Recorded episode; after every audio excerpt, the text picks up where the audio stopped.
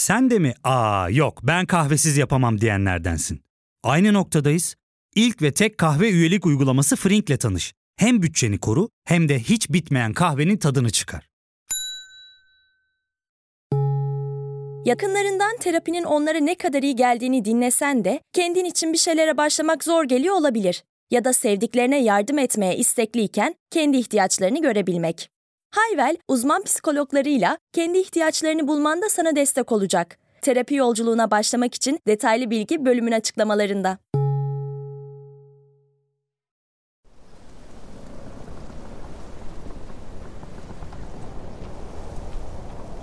...1873 yılının 19 Haziran sabahında... ...yaz mevsimine rağmen insanı hafiften üşüten serin bir hava vardı. Kanada'nın Ontario eyaletine ait küçük bir şehir olan Sarnia'da saat 9.30 sularıydı. Günlerden salıydı. Şehir hareketlenmeye başlamış, insanlar çoktan işlerine koyulmuştu. Herkesin birbirini bildiği bu şehirde o gün sürekli olarak aynı cümle tekrar ediliyordu. Elizabeth'in son günü. Suçlu bulunmuş. Son günü. Bugün idam Evet evet bugün yüzecek. Bugün. İdam edecekler. Bugün idam ediliyor. Elizabeth'in son günü. O dönem bölgenin en güçlüsü olarak tanımlanan Sarnia hapishanesi avlusundaysa sessizlik hakimdi. Etraftaki insanlar o sırada bunun farkında değillerdi. Ama Kanada tarihinde ilk ve son kez gerçekleşecek bir ana tanıklık edeceklerdi. Kendinden emin bir şekilde son nefesini vereceği platforma doğru yürümekte olan Elizabeth Berkman, Kanada'da jürinin af talebine rağmen idam edilen tek kadın olacaktı.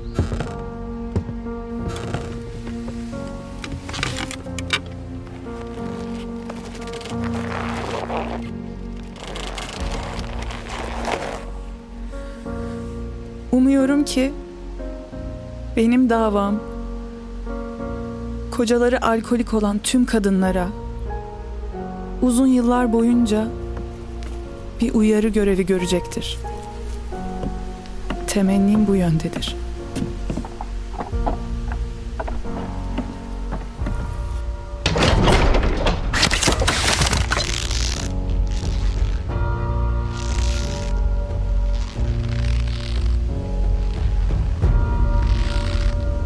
Ben Sezgi Aksu. Burası Karanlık Dosyalar. Bugün sizlere 1873 yılında Kanada'yı sarsan, sonuçları bugün bile tartışılan bir davadan bahsedeceğim. Ne dersiniz? Geçmişe doğru bir yolculuğa çıkalım mı?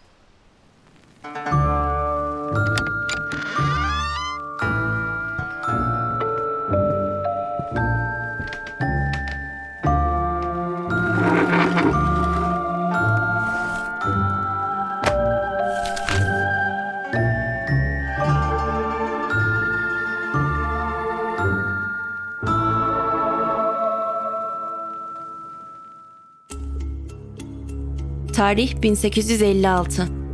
Aslen İskoçyalı olan Elizabeth ve kendinden yaşça hayli büyük olan kocası James Workman evlendikten sonra James'in ölen eşinden olan kızı Mary'i de yanlarına alarak iş imkanları sebebiyle Kanada'ya taşınmışlardı. Workman ailesi Sarnia'nın hemen dışında çiftçilerin yaşadığı küçük bir köy olan Mooresville'e yerleşmişti. Evleri iki odadan oluşuyordu ve zemin kattaydı. 10 yıl sonra ailenin yeni ve son üyesi dünyaya geldi. Hugh Workman. Maalesef bu doğum ailenin mutlu olduğunu göstermiyordu. Elizabeth sürekli olarak James tarafından istismara uğruyor, aşağılanıyordu. Üstüne üstlük James alkolikti. Doğru düzgün bir işi yoktu. Aileyi maddi olarak ayakta tutan kişi farklı farklı işlerde çalışmak zorunda kalan Elizabeth'ti. Onun kazandığı paraya James el koyuyor ve yine alkole harcıyordu. Etrafındaki herkese öfkesiyle cehennemi yaşattığı için kızı Mary uygun yaşa gelince evi terk etmiş, hatta sadece terk etmekle kalmayıp babasına duyduğu nefret yüzünden soy ismini bile değiştirmişti. Evinde yatılı olarak kaldığı vasisi Bayan Skirving'in soyadını almıştı. Evdeki bu cehennem ortamı sesler yoluyla üst kat komşuları olan David ve Sarah Patterson çiftine kadar ulaşıyordu. Patterson çifti de tıpkı Workman'lar gibi yoksuldu. Ama yine de mutlu bir evlilikleri vardı. Sarah, Elizabeth'le de yakındı. Hatta Elizabeth ona öylesine güveniyordu ki büyük kavgalar sonrasında James'ten kaçmak için Sarah'nın evini sığınak olarak kullanıyordu. Bazı sırlarını paylaşmakta da sakınca görmüyordu. Patterson çifti artık seslerden ve bitmek bilmeyen kavgalardan bunalmış olsalar da ekonomik şartları gereği aynı binada kalmaya devam ediyorlardı. Bu yıllarca böyle devam etti. Sonra bir gün takvim yaprakları 1872 yılını gösterirken en üst kata yeni biri taşındı. Samuel Butler. Samuel Butler 30'larının sonlarında bir berberdi. İşini kurmak için Mooresville'e yerleşmeye karar vermişti. Eve çok yakın bir sokağa kendi berber dükkanını açtıktan sonra Elizabeth Workman'ı temizliğini yapması ve çamaşırlarını yıkaması için işe aldı ve aileyle ahbaplık kurmaya başladı. Etraftaki insanların gözleri onların üzerine çevrilmişti. Ve bunda Samuel Butler'a dair bir detayın payı büyüktü. Ten rengi. Samuel Butler siyahi biriydi. Her ne kadar Kanada'da siyahiler bir takım yasalarla korunuyor olsalar da günlük hayatta eşit görülmeleri gibi bir durum asla söz konusu değildi. Siyahilerle beyazların kişisel ilişkiler kurmasına sıcak gözle bakılmıyordu. Buna rağmen Butler sık sık James ve Elizabeth'in evine misafir alıyor, giderken de yanında hediye olarak viski götürmeyi ihmal etmiyordu. Kapalı kapılar ardında olanlar kısa süre içinde şehirdeki insanlar için bir spekülasyon malzemesi haline geldi. Ve dedikodu kazanı kaynamaya başladı. Oraya sadece dostluk etmeye gittiğini sanmıyorum. Anlarsın ya. aralarında bir şeyler. Sadece temizlik yaptığına kim inanır ki ya? O sıstıktan sonra ikisi Siyah bir Belki bunun için para bile alıyor. sadece temizliği yapan kim inanır? Butler Mooresville'e geleli daha 3 hafta olmuştu. Ama James bu süre zarfında gittikçe kıskanç birine dönüşmüştü. Artık Elizabeth'in berber dükkanına gitmesini, orada çalışmasını istemiyordu. Elizabeth de gelir kaynağını kaybetmek istemiyordu. Dolayısıyla James'in isyanlarına kulak asmadı. Tarih 24 Ekim 1872. Bir perşembe sabahı. Mooresville sakinleri her zaman olduğu gibi dükkanlarını açmış, çalışmaya başlamışlardı. James ise yine sarhoştu. Gece boyunca içmişti. Vücudunu zor kontrol ediyordu. Çok agresifti. Yalpalıyor olsa bile nereye gideceğini çok iyi biliyordu. Yanında oğlu Hugh da vardı. Butler'ın berber dükkanının kapısını kırarcasına açtı ve içeriye girdi. Elizabeth yerleri siliyordu. James ona derhal işi bırakıp kendisiyle eve dönmesini söyledi. Elizabeth cevap vermeyince daha da sinirlenen James onu kolundan tutup sürükleyerek dükkandan çıkarmaya çalışırken Samuel Butler hemen olaya müdahale etti. Butler'ın bu müdahalesinin ne şekilde olduğuna dair ortada net bir kanıt yoktu. Sadece iki görgü tanığının ifadesi alınabilmişti ve bunlar farklılık gösteriyordu. Birbirlerine bağırmaya başladılar. Sonra Butler sarhoş adamı dükkanın dışına itti. Adam yolun üzerine yığıldı. Yani yığıldı dediysem e, böyle ya Butler çok güçlü ittiğinden değil de yani sarhoş işte.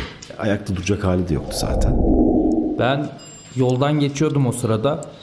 Böyle bağırma sesleri duydum şeyden. Ee, bu berber dükkanından geliyordu. Siyahi olan diğerini boğazından tutmuş duvara yapıştırmış. Adama bas bas bağırıyor küfür kıyamet. Adam boğacaktı neredeyse. Hangisi doğrudur bilinmez. Elizabeth olay çıkmaması için sonunda oğlunu da yanına alıp eve doğru ilerlemeye başladı. Çok utanmıştı. Çok sinirliydi. James sendeleyerek onları takip ediyordu. Eve döndüklerinde bağırıp çağırarak tartışmaya başladılar. James alkolün ve hırpalanmanın etkisiyle yatağa düşmüştü. En azından Elizabeth başlangıçta böyle söylemişti. O akşam Butler yine evlerine geldi. Elizabeth'le mutfakta oturup konuştular.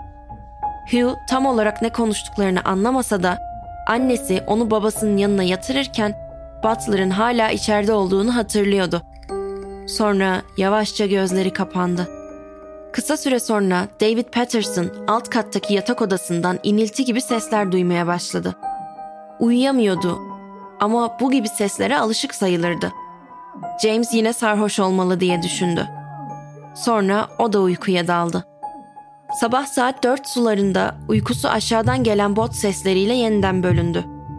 Dayanamayıp merdiven boşluğundan aşağıya baktığında James'ten çok daha iri yarı bir adamın kapının önünde durduğunu gördü. Adamın arkası dönüktü ve etraf karanlıktı. Kim olduğunu görebilmenin bir yolu yoktu. Merakına yenik düşüp biraz dedektiflik yapmak için aşağı indi. Yerde botlardan kalan çamurlu ayak izleri vardı. Bu izlerin büyüklüğüne bakan David, sesi çıkaranın alkolik James olmadığına artık emindi. Sesler son derece iri yarı bir adam olan Samuel Butler'a ait olmalıydı. Kafası karışık bir halde odasına geri döndü. Sabah 6.45'te David işe gitmek üzere yeniden uyandı. Evden çıktı. Alt kata indiğinde Butler'la karşı karşıya geldi. Bu sefer hava aydınlıktı ve Butler'ın yüzü açık seçik görülüyordu. David'in tahmini doğrulanmıştı. Butler'ın elindeki turşu dolu kaseyi fark etti. Butler genellikle sabahları 7'de gelip yıkanacak çamaşırlarını veriyordu. Ama sabahın dördünde neden oradaydı? Patterson çiftinin alt kattaki komşularından duydukları sesler ve gariplikler gün boyu devam edecekti. Öğleden sonra saat 2'de Sarah acı dolu iniltiler ve darbe sesleri duymaya başladı. Bu sesler dörde kadar neredeyse iki saat devam etti. Sarah neler olduğunu tam olarak kavrayamamıştı. Elizabeth delirmişçesine bağırıyordu. Bu yeterli geldi mi ha? İstiyor musun daha fazla ha? Konuş! Yeter. Yeter geberttin beni yeter. James'in son yakarışından sonra Sarah'nın duyabildiği tek şey sessizlik oldu. Aşağıdaki bağırışlar kesilmişti. Çıt çıkmıyordu. Neler olup bittiğini merak etmeye başlamıştı. Ama öğrenmesi çok zaman almayacaktı. Şimdi kısa bir ara veriyoruz. Ardından davamıza geri döneceğiz. Ya fark ettin mi? Biz en çok kahveye para harcıyoruz. Yok abi, bundan sonra günde bir. Aa, sen Frink kullanmıyor musun? Nasıl yani? Yani kahvenden kısmına gerek yok. Frink'e üye olursan aylık sadece 1200 TL'ye istediğin çeşit kahveyi istediğin kadar içebilirsin. Günlük 40 TL'ye sınırsız kahve mi yani? Çok iyiymiş. Aynen. Hatta şu anda 200 TL'lik bir indirim kodu da var. E hadi hemen indirip üye ol da bu fırsatı kaçırma.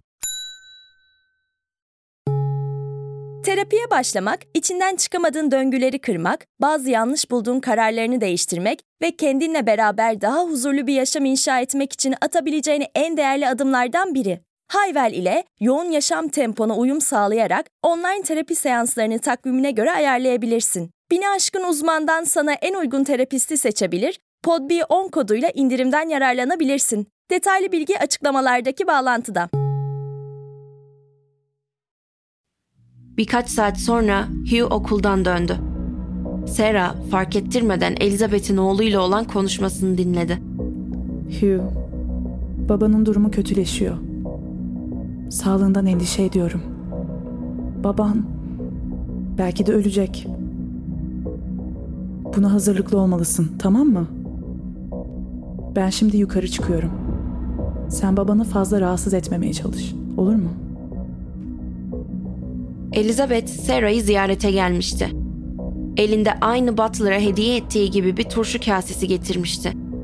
Kaseyi Sarah'a uzatırken enerjisi ve sesi az önce oğluyla yaptığı konuşma sanki hiç yaşanmamış gibi coşkuluydu. Ona hayatının dersini verdim. Onu öyle bir benzettim ki bunu ömrü boyunca unutamayacak. Bundan sonra bana veya oğluma zarar vermeye kalkışırken tekrar düşünür. Elizabeth belki de ilk defa James'e karşı kendini savunabilmişti. İlk defa Sarah'ya mağdur olarak değil, zafer kazanan bir komutan edasıyla gelmişti. David Patterson akşam üzeri işten döndüğünde yine Samuel Butler'ı Elizabeth'in kapısında gördü. Elinde o meşhur viski şişesi de vardı. Bu sefer çok kalmadı. Akşam yemeğinden sonra Hugh daha uyumadan ayrıldı. Mooresville çok küçük bir yerdi. Perşembe günü yaşananları neredeyse herkes duymuştu. Olaydan sonra berbere saçını kestirmeye giden birisi, Butler'ın başka bir müşteriye yaşananları anlatırken eğer uzak durmazsa James'in boynunu kıracağını söylediğini işitti. Bunlar kızgınlıkla öylesine sarf edilmiş cümleler miydi? Butler, viskili ziyaretleri sırasında hırpaladığı James'in ne halde olduğunu hiç merak etmemiş miydi? Cumartesi sabahı David Patterson evindeydi. Sabah 8-9 gibi yine Butler'ı alt komşularının evinin önünde görmüştü. Ama artık bu denk gelişlere alışmıştı. Üzerine düşmedi. Öğleden sonra iki gibi evlerinin kapısı çaldı.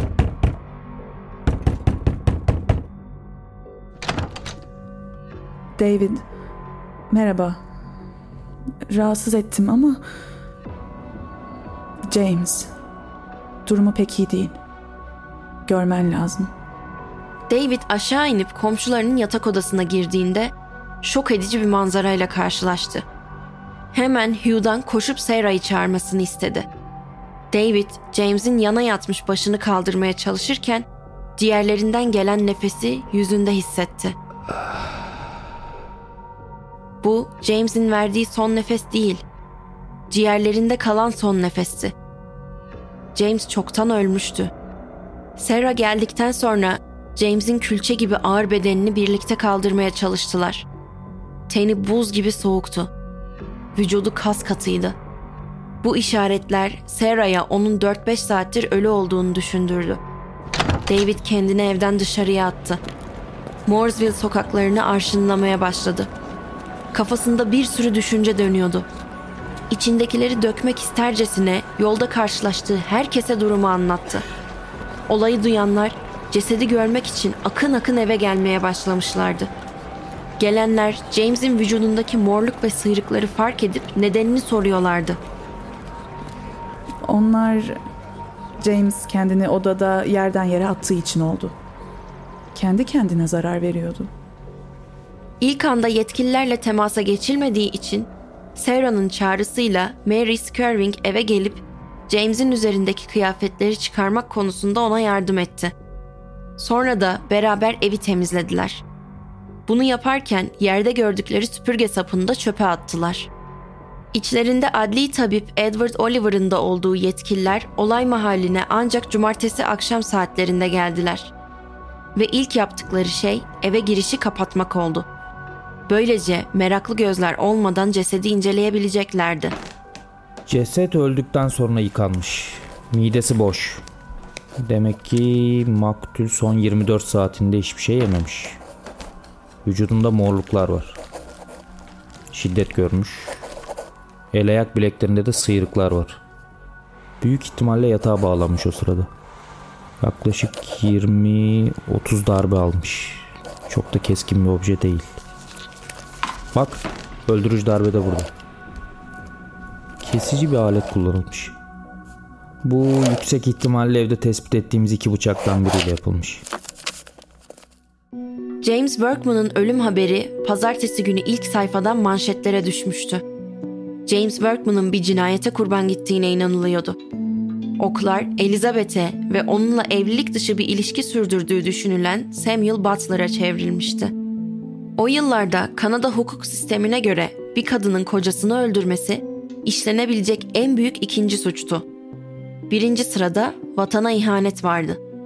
Davayı aydınlatmak için Elizabeth ve Butler dışında sürekli olarak evde olan bir başka tanığın ifadesinin alınması gerekiyordu. 8 yaşındaki Hugh. Hugh ifadesinde önemli bir ayrıntıdan bahsetti. Elizabeth, perşembe sabahı berber dükkanında rencide edilmenin intikamını James'e kapının arkasında duran süpürgenin sapıyla defalarca kez vurarak almıştı. James alkolden çok dövüldüğü için yatağa düşmüştü. Sarah ve Mary çöpe atmış oldukları süpürge sapı sorulduğunda şüpheli bir şekilde bunun cinayet aleti olarak kullanıldığını bilmediklerini söyleyeceklerdi. Adli tabip Edward Oliver'a göre James, eşi Elizabeth ya da Butler'dan biri veya her ikisi tarafından şiddete maruz kalarak ölmüştü. Bu sebeple tutuklu yargılanmalıydılar. Elizabeth kocasının ölümünde payı olduğunu kesinlikle kabul etmiyor. James'in alkolizme bağlı komplikasyonlar ve hastalıktan öldüğünü söylüyordu. Butler da aynı şekilde suçsuz olduğunu, perşembe sabahından sonra James'i doğru düzgün görmediğini, ondan haber almadığını tekrarlıyordu. Ama ten rengi insanların ona suçlu gözüyle bakmasına sebep oluyordu. Sonunda mahkeme süreci başladı. Elizabeth'in davasına bakan yargıç Adam Wilson, Toronto'nun eski belediye başkanıydı. Elizabeth parasızlıktan kendine avukat bile tutamıyordu. Mahkeme Elizabeth'e bir avukat tayin edilmesini talep etti. Bu görev kendisi de Elizabeth gibi İskoç asıllı 33 yaşındaki avukat John Mackenzie'ye verildi. Ne var ki duruşma bir sonraki günün sabahında görülecekti. Her şey göstermelikti. İki gün süren duruşmada Mackenzie hazırlanamadığı için Elizabeth adına güçlü bir savunma yapamayacak, tanıkların ifadeleri itirazda bulunulmadan dinlenecekti. Elizabeth, James'i süpürge sopasıyla dövdüğünü itiraf etti. Ama bunu kocası tarafından uygulanan şiddeti bitirmek, gözdağı vermek amacıyla yapmıştı. Öldürmeyi kesinlikle düşünmemişti. Duruşmanın kapanış konuşmasını Yargıç Wilson etkileyici bir şekilde yaptı. Evet sessizlik. Kanıtların yetersizliği sebebiyle Samuel Butler'ı tahliye etmekten başka şansımız yok. Elizabeth Workman için ise durum farklı. Kanıtlar suçlunun o olduğunu gösteriyor. Elizabeth erdemli bir kadının yapması gerektiği gibi kocasına karşı nazik değildi. Kocasının ona karşı bir istismarı olduysa bile bunun sadece sözlü bir biçimde gerçekleştiğine dair kanıtlar mevcut. Bu da mazur görülebilir. Samuel Butler gibi birinin açık biçimde Bay Workman'ı tehdit edecek cesaret bulması Elizabeth Workman ile evlilik dışı bir ilişkisi olduğunu gösteriyor. Bu kabul edilemez. Ama Elizabeth James Workman'ı öldürürken tek başına hareket etti. Bayan Patterson sadece Elizabeth Workman'ın sesini duyduğunu herkesin içinde söyledi. Dahası uyguladığı şiddete oğullarını da tanık etmiş. Bu en hafif tabiriyle haysiyetsizliktir. Yardım çağırmak için bile saatlerce beklemiş. Hak ancak bu acımasız katilin en büyük cezayı almasıyla yerini bulacaktır. Yargıç Wilson herkesi ikna etmişti. Böylece Samuel Butler serbest kalmış, Elizabeth ise ölüm cezasına çarptırılmıştı. 19 Haziran 1873'te yani 3 ay sonra Elizabeth idam edilecekti. Yargıç Wilson'ın konuşmasına rağmen jüri Elizabeth'in hikayesinde de doğruluk payı olabileceğini düşünmüştü. Elizabeth gerçekten de uzun süredir James tarafından istismara uğrayan mağdur bir kadın olabilirdi. Bu sebeple jüri Elizabeth için af talebinde bulundu. Bu talep mahkeme tarafından dikkate alınmadı. Elizabeth 3 ay boyunca Sarnia hapishanesinde ölümü bekledi. Elizabeth'in hikayesi, yaşadığı istismar gazetelerde yazılmaya başlandı. Tüm basın bu hikayeyi insanlara ulaştırmaya çalıştı. Yaşananları duyan halkı ise bir öfke sardı. Elizabeth'in cezasının hafifletilmesi için imza kampanyaları başlattılar. Yetkililer bu çabaya duyarsız kalamadı ve Elizabeth'in cezasını tekrardan gözden geçirmeye karar verdiler.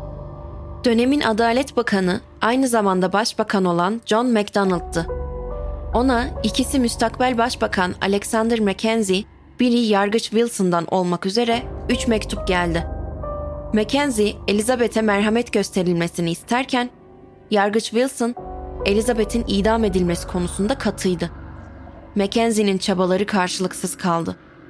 MacDonald adaleti engellemenin sorumluluğunu alamayacağını söyledi. 19 Haziran sabah saat 8'de Elizabeth'in hücresinin kapısı açıldı. Zaman gelmişti.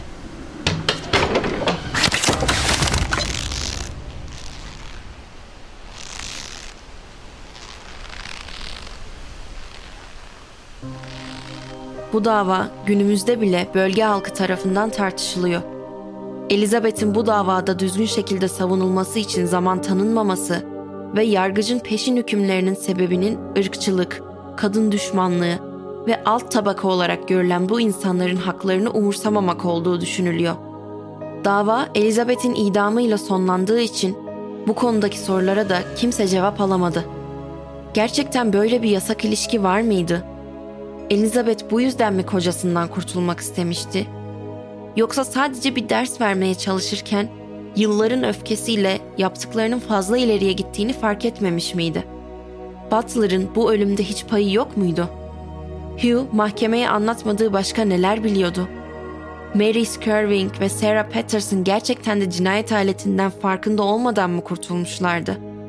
James istismarıyla kimleri kendine düşman etmişti? Bu sonu ne kadar hak etmişti? İdamdan sonra Sarnia hapishanesinin içindeki bir çukura gömüldüğü bilinen Elizabeth'in bedenine bugün hala ulaşılabilmiş değil.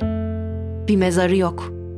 Ondan geriye kalanlar muhtemelen bugün eski hapishanenin yerine yapılmış, insanların her gün ziyaret ettiği restoranın altında bir yerlerde. Elizabeth, Kanada tarihinde adaletin nasıl gerçekten de herkese adil şekilde uygulanması gerektiğinin bir simgesi olarak yerini aldı.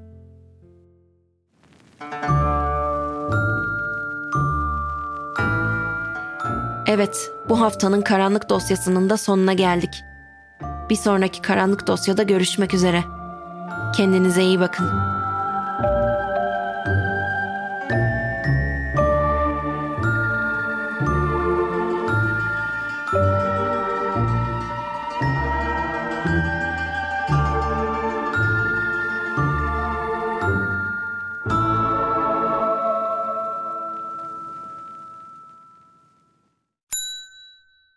Ve tek kahve üyelik uygulaması Frink, 46 ildeki 500'den fazla noktada seni bekliyor.